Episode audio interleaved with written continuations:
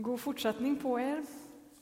Nu är jag tillbaka efter en liten julsemester som jag har haft, så nu är jag igång och jobbar. Om ni har några ärenden så får ni gärna höra av er till mig under veckan.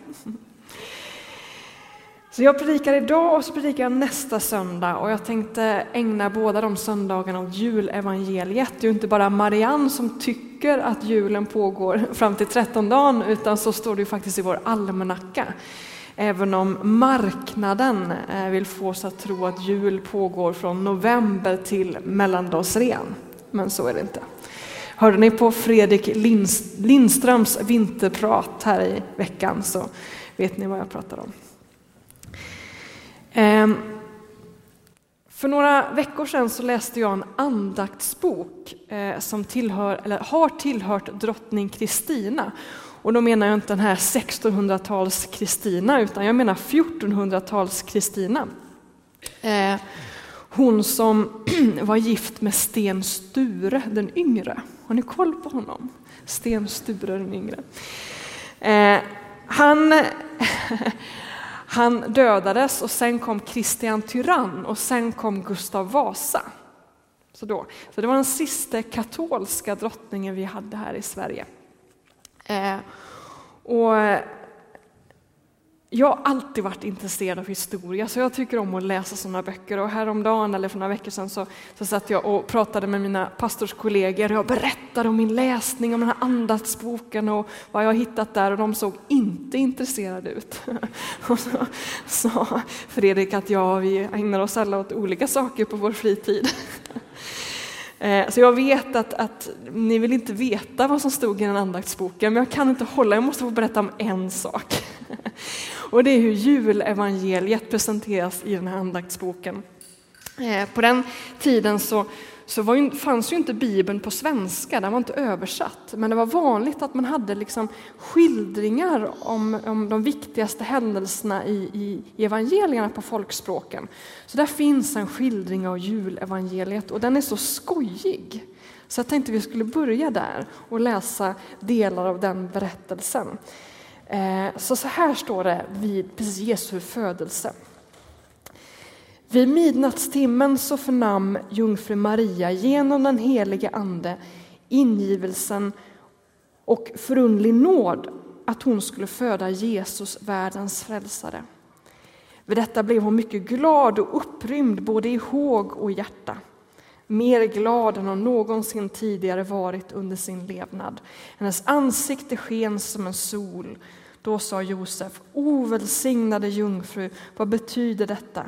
Glatt svarar hon, nu ska jag föda Guds son. Och sen kommer ett, ett långt samtal mellan Josef, för Josef han vill gå in och hämta barnmorskor, eller jordgummor som det hette.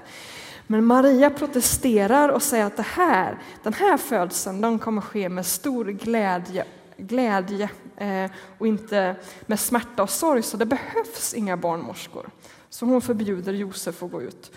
Eh, och sen så kommer en slags teologisk kommentar om just det här eh, hur fantastisk den här födseln var, så står det så här. Ty på samma sätt som när en solstråle genomtränger klart glas och det förbliver helt oskadat, så gick också Guds son ur jungfru Maria, allra renaste jungfruliga liv, utan att skada henne. Det var en speciell födsel där. Eh, och sen så står det så här, och det här kommer det bästa av allt. Eh, strax mottog hon, stående på sina knän, honom i sina nådefulla händer och gjorde honom den största rättvisa med heder och ära i det att hon bad till honom sin son och skapare och sa. Och så kommer en lång bön.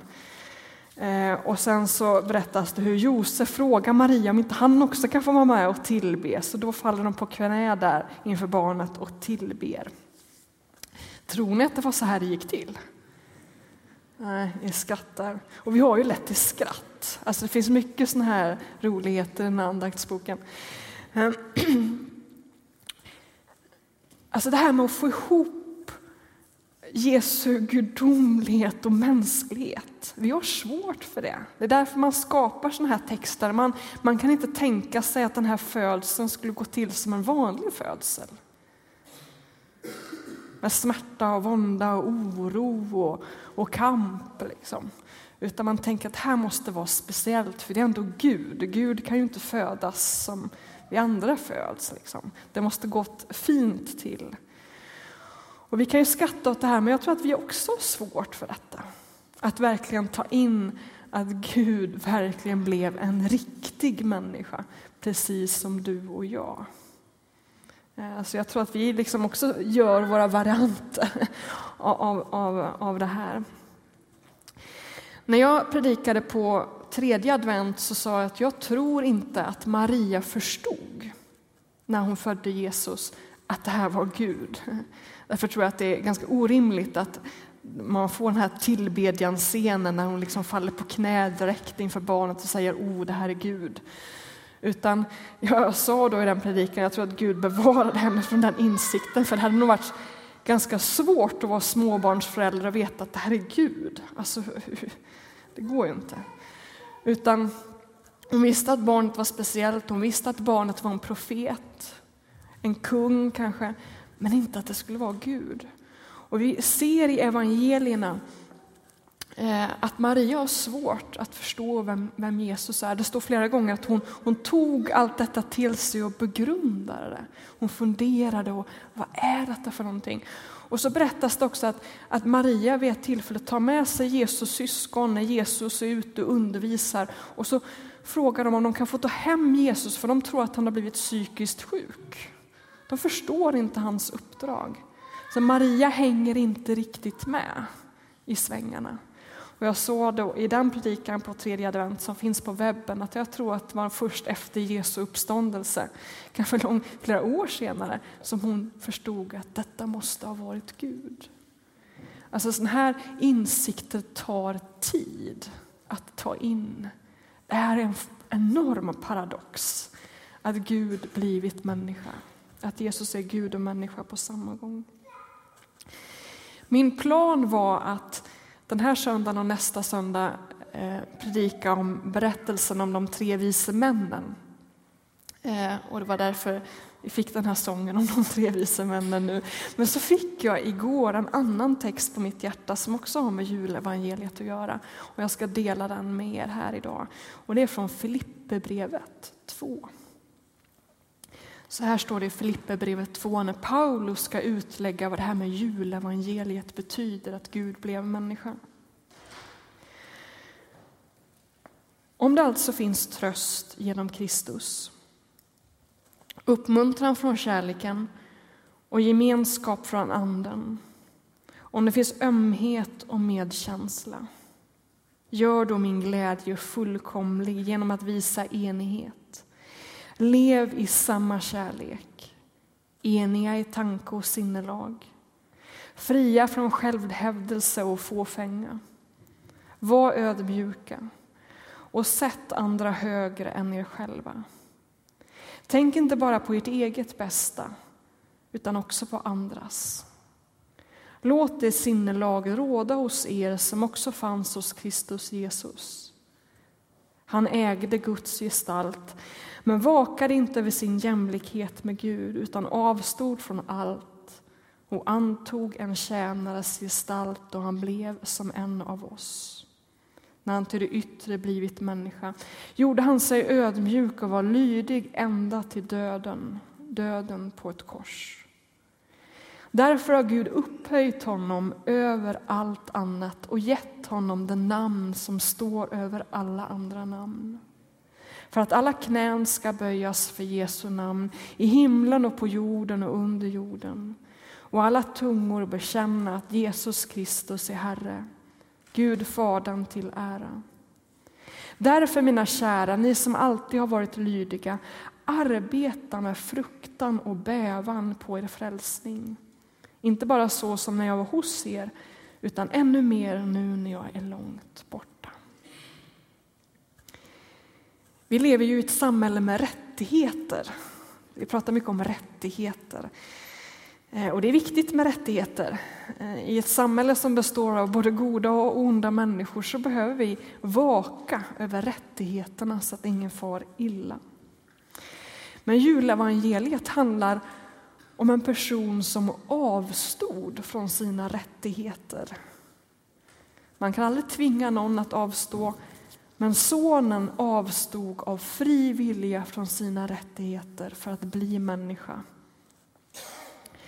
Han avstod från sina privilegier som Gud. Så här stod det i vers 6. Han ägde Guds gestalt, men vakade inte över sin jämlikhet med Gud utan avstod från allt och antog en tjänares gestalt och han blev som en av oss. Alltså det här är centralgestalten för vår tro, en person som avstod. Inte nog med att sonen avstår från gudomligt liv, utan han avstår också från ett anständigt mänskligt liv. Det stod att han var lydig in till döden. Det blev ett liv av lidande. Och just för att sonen avstod så har fadern upphöjt honom och satt honom till att vara den främste. Just för detta. Så här stod det. Därför har Gud upphöjt honom över allt annat och gett honom det namn som står över alla andra namn. För att alla knän ska böjas för Jesu namn i himlen och på jorden och under jorden. Och alla tungor bekänna att Jesus Kristus är Herre. Gud Fadern till Herre. Alltså därför, just för att han avstod, så har Gud upphöjt honom. Varför samlas vi till gudstjänst varje söndag klockan 11? För att vi råkar vara lediga då? Nej, för de första kristna så var söndagen en vanlig arbetsdag, men man samlade ändå till, samlas ändå till gudstjänst, för det var den dagen som Jesus uppstod från de döda. Det var en söndag. Och man ville högtidlighålla detta minnet och proklamera denna sanning, att den liksom som gjort den här resan nedåt, nu är den upphöjde. Man samlades till gudstjänst varje söndag för att tillbe detta faktum. Så det är därför vi samlas idag för att proklamera denna sanning. Att Gud, Jesus är Herre. Han är upprest. Som frikyrkopastor så får jag ofta frågan vad som är skillnaden mellan en pastor och en präst. Och då brukar jag säga så här att en en präst får ägna mycket av sin arbetstid åt begravningar och vigslar och dop medan jag får ägna mycket av min arbetstid åt sammanträden. Det är liksom en viktig, väsentlig skillnad. Och att en präst gör jobbet i kyrkan medan en pastor ser till att andra gör jobbet i kyrkan. Det är också en sån bra skillnad. Men, men det finns också en annan stor skillnad i, i, i en pastors roll och en prästs roll, men den brukar jag faktiskt inte berätta, men det ska jag göra nu. En pastor får ägna mycket av sin tid åt att besvara klagomål på gudstjänstlivet. Så är det faktiskt. Mycket mer än vad en präst behöver göra. Eh, I alla fall en katolsk eller en ortodox präst. Och nu ska jag förklara varför. I katolska kyrkan eller ortodoxa kyrkan har man en fast och färdig gudstjänstordning. Så här gör man. Det, är liksom, det kommer från Vatikanen och punkt slut. Så här gör man. Och man sjunger samma sånger som man alltid har gjort. I ortodoxa kyrkan är det extremt. Då sjunger man liksom samma sånger i vissa församlingar som man gjort i 1500 år. Man ändrar inte ens språket, utan man sjunger gammal... Alltså I serbiska kyrkan så sjunger man kyrkslaviska. Det har liksom blivit ett, ett fast och färdigt språk, för man ändrar ingenting. Man är konservativ och man har en fast ordning. Och Det finns säkert klagomål på det, men man vet att det är liksom ingen idé att säga någonting, för det är liksom bestämt. Så här är det, och alla måste underordna sig det. Men i frikyrkan så går det till annorlunda. Där har vi valt att ligga nära populärkulturen. I frikyrkan har vi satt en ära i att vara folkliga. Vi är inte konservativa, utan vi vill vara folkliga. Problemet i frikyrkan är ju bara att folklighet, vad som är folklighet, det skiljer sig mellan en som är 15 och en som är 85. Det är ju den situationen vi har under 1900-talet. Det är en unik situation, så har det inte varit förut. Att vi har de här generationsklyftorna mellan vad som är kultur eller bra kultur. Eh, och där har vi orsaken till att vi som pastorer får ta emot väldigt mycket åsikter och klagomål och funderingar kring det här med gudstjänstliv, för vi är förändliga. Vi kan ändra oss och vi vill detta. Vi vill vara folkliga och så vill vi vara en församling för alla generationer, vilket leder till att ingen är nöjd. Så blir det ju. Alltså alla tycker att, nej men vad är det här för konstigt? Och, hur blev det här? Och, för vi har olika uppfattningar om vad som är folkligt och vad som är bra och, och hur det ska vara. Och jag tror att om man ska bli en tillbedjan människa, om man ska kunna närma sig detta mysterium, att Gud har blivit människa, om man ska göra som Maria, att begrunda och komma nära detta, då måste man lära sig att se bortom tonerna och melodierna i sången, i gudstjänsten. Låt mig få läsa det som stod före verserna om Jesus som avstod och det som stod efter. Så här stod det i vers 3. Var ödmjuka och sätt andra högre än er själva. Tänk inte bara på ert eget bästa utan också på andras. Låt det sinnelag råda hos er som också fanns hos Kristus Jesus. Och sen kommer detta, Jesus var en person som avstod. Var så till sinnes som Jesus var. Och sen kommer, därför mina kära, ni som alltid varit lydiga, arbeta med fruktan och bävan på er frälsning. När vi samlas till gudstjänst varje söndag för att för att tillbe detta, för att fira detta med Gud som liksom kliver ner och sen blir upphöjd. Så skulle jag önska att vi hade, hade de här verserna med oss. Var så till sinnes som Jesus var. Att vi skulle träna oss i att avstå från vår egen musiksmak. och delta i de sånger som vi egentligen inte tycker om. Men göra det för Guds skull och för min nästa skull som tycker den här sången är fantastisk. Tänk om vi kunde få samlas till gudstjänst och delta i sången oavsett om det är brasset eller ett lovsångsteam eller Vox Deo eller barnkören som leder så, så bara yes, vi är en församling. Låt oss vara enade som Paulus säger i vårt sinn. Att samlas i tillbedjan tillsammans. Jag får ibland höra att ja, men varför är det alltid vi äldre som måste anpassa oss efter de yngre? Det är någonting som jag ofta hör. Och så är det ju i mänskligt liv. Alltså, när man får barn, då måste ju allt centreras kring det här bebisen. Alltså så är det. Äldre måste anpassa sig efter de yngre, annars blir det inget liv, annars dör det.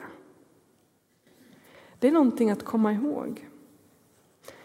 Var andliga fäder och mödrar åt de yngre och tänk på deras bästa.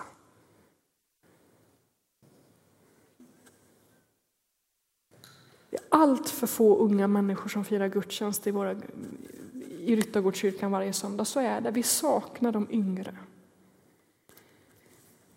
Vad kan vi göra för att få hit våra tonåringar? Vad kan vi göra?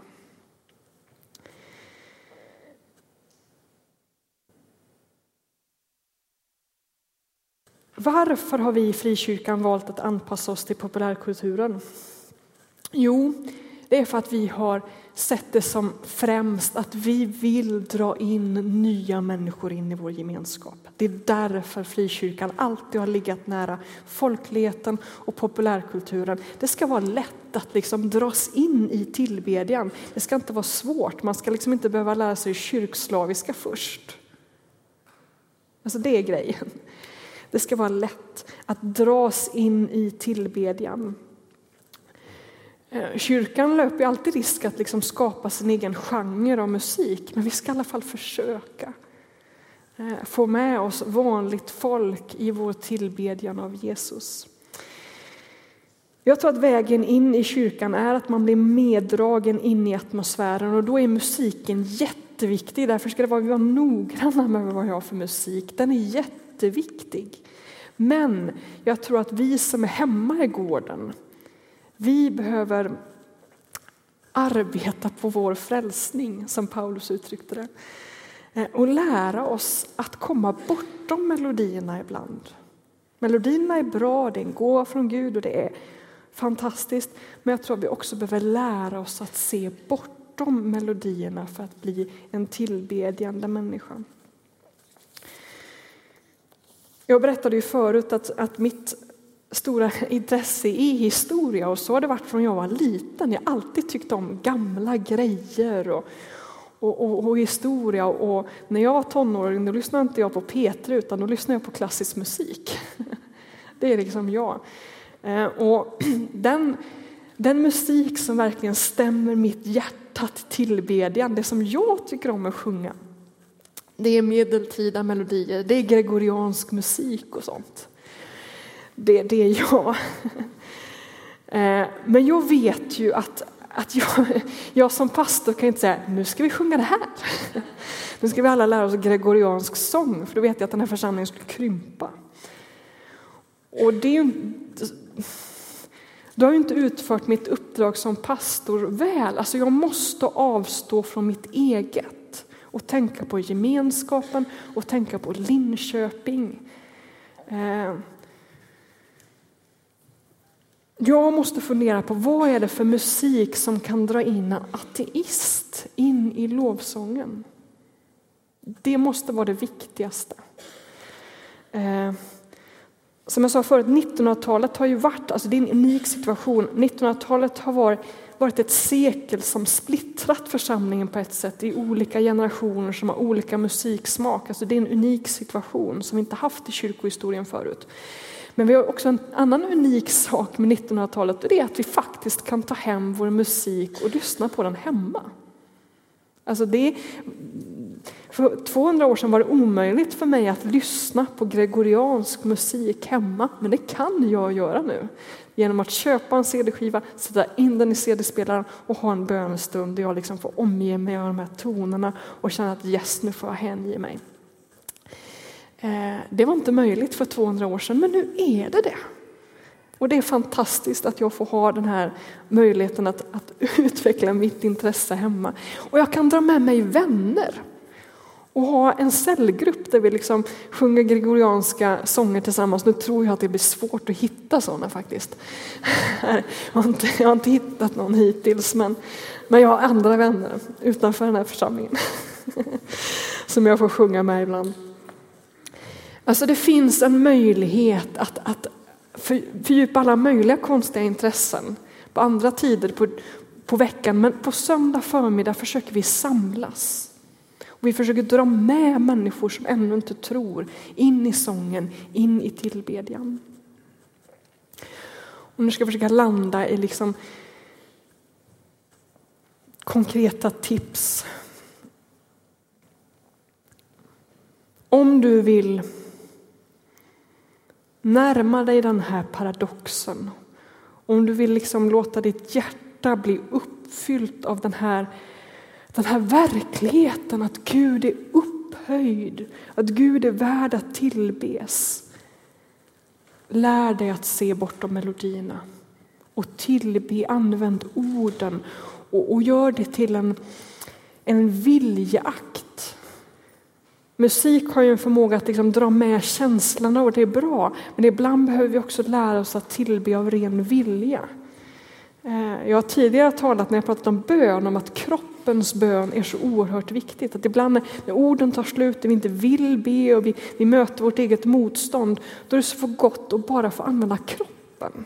Att varje morgon få falla på knä och bara proklamera att jag, jag är människa, du är Gud och jag böjer mig för dig. Det, det leder till insikt.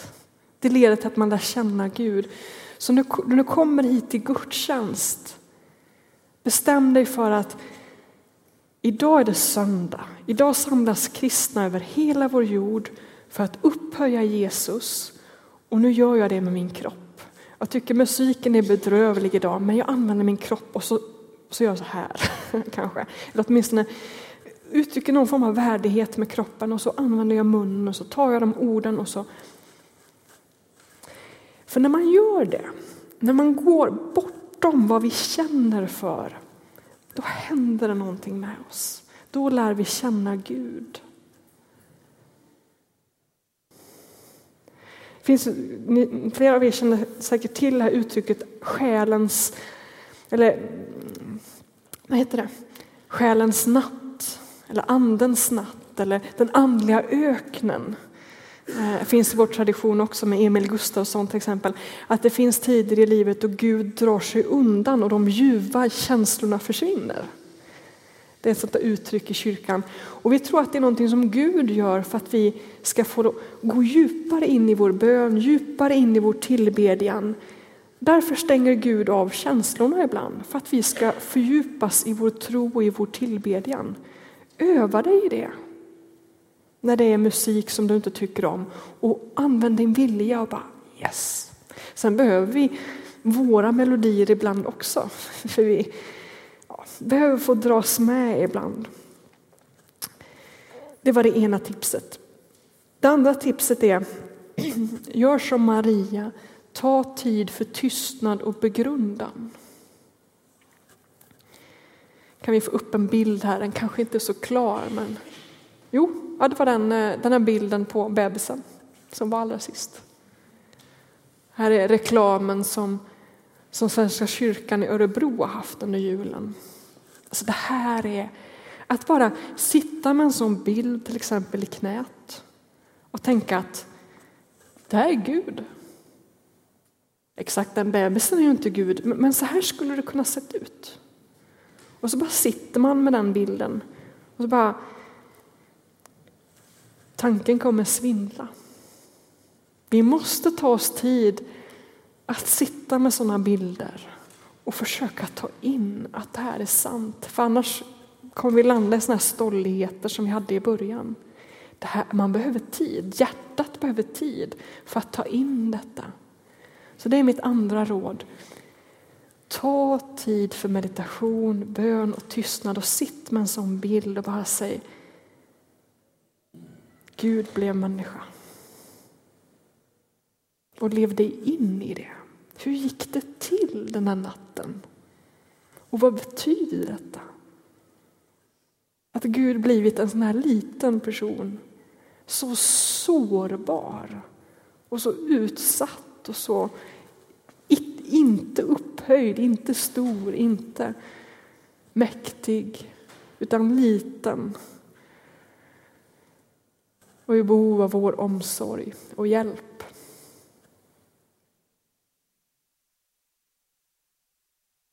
Vi ska ta tid och bara begrunda detta. Jag kommer få höra lite pianospel och så kan den här bilden ligga fram, fram uppe och så, så bara sjunker vi in i detta och tillber med vårt hjärta. Jag tänker jag förstår inte detta, men detta är sant. Det här är sant.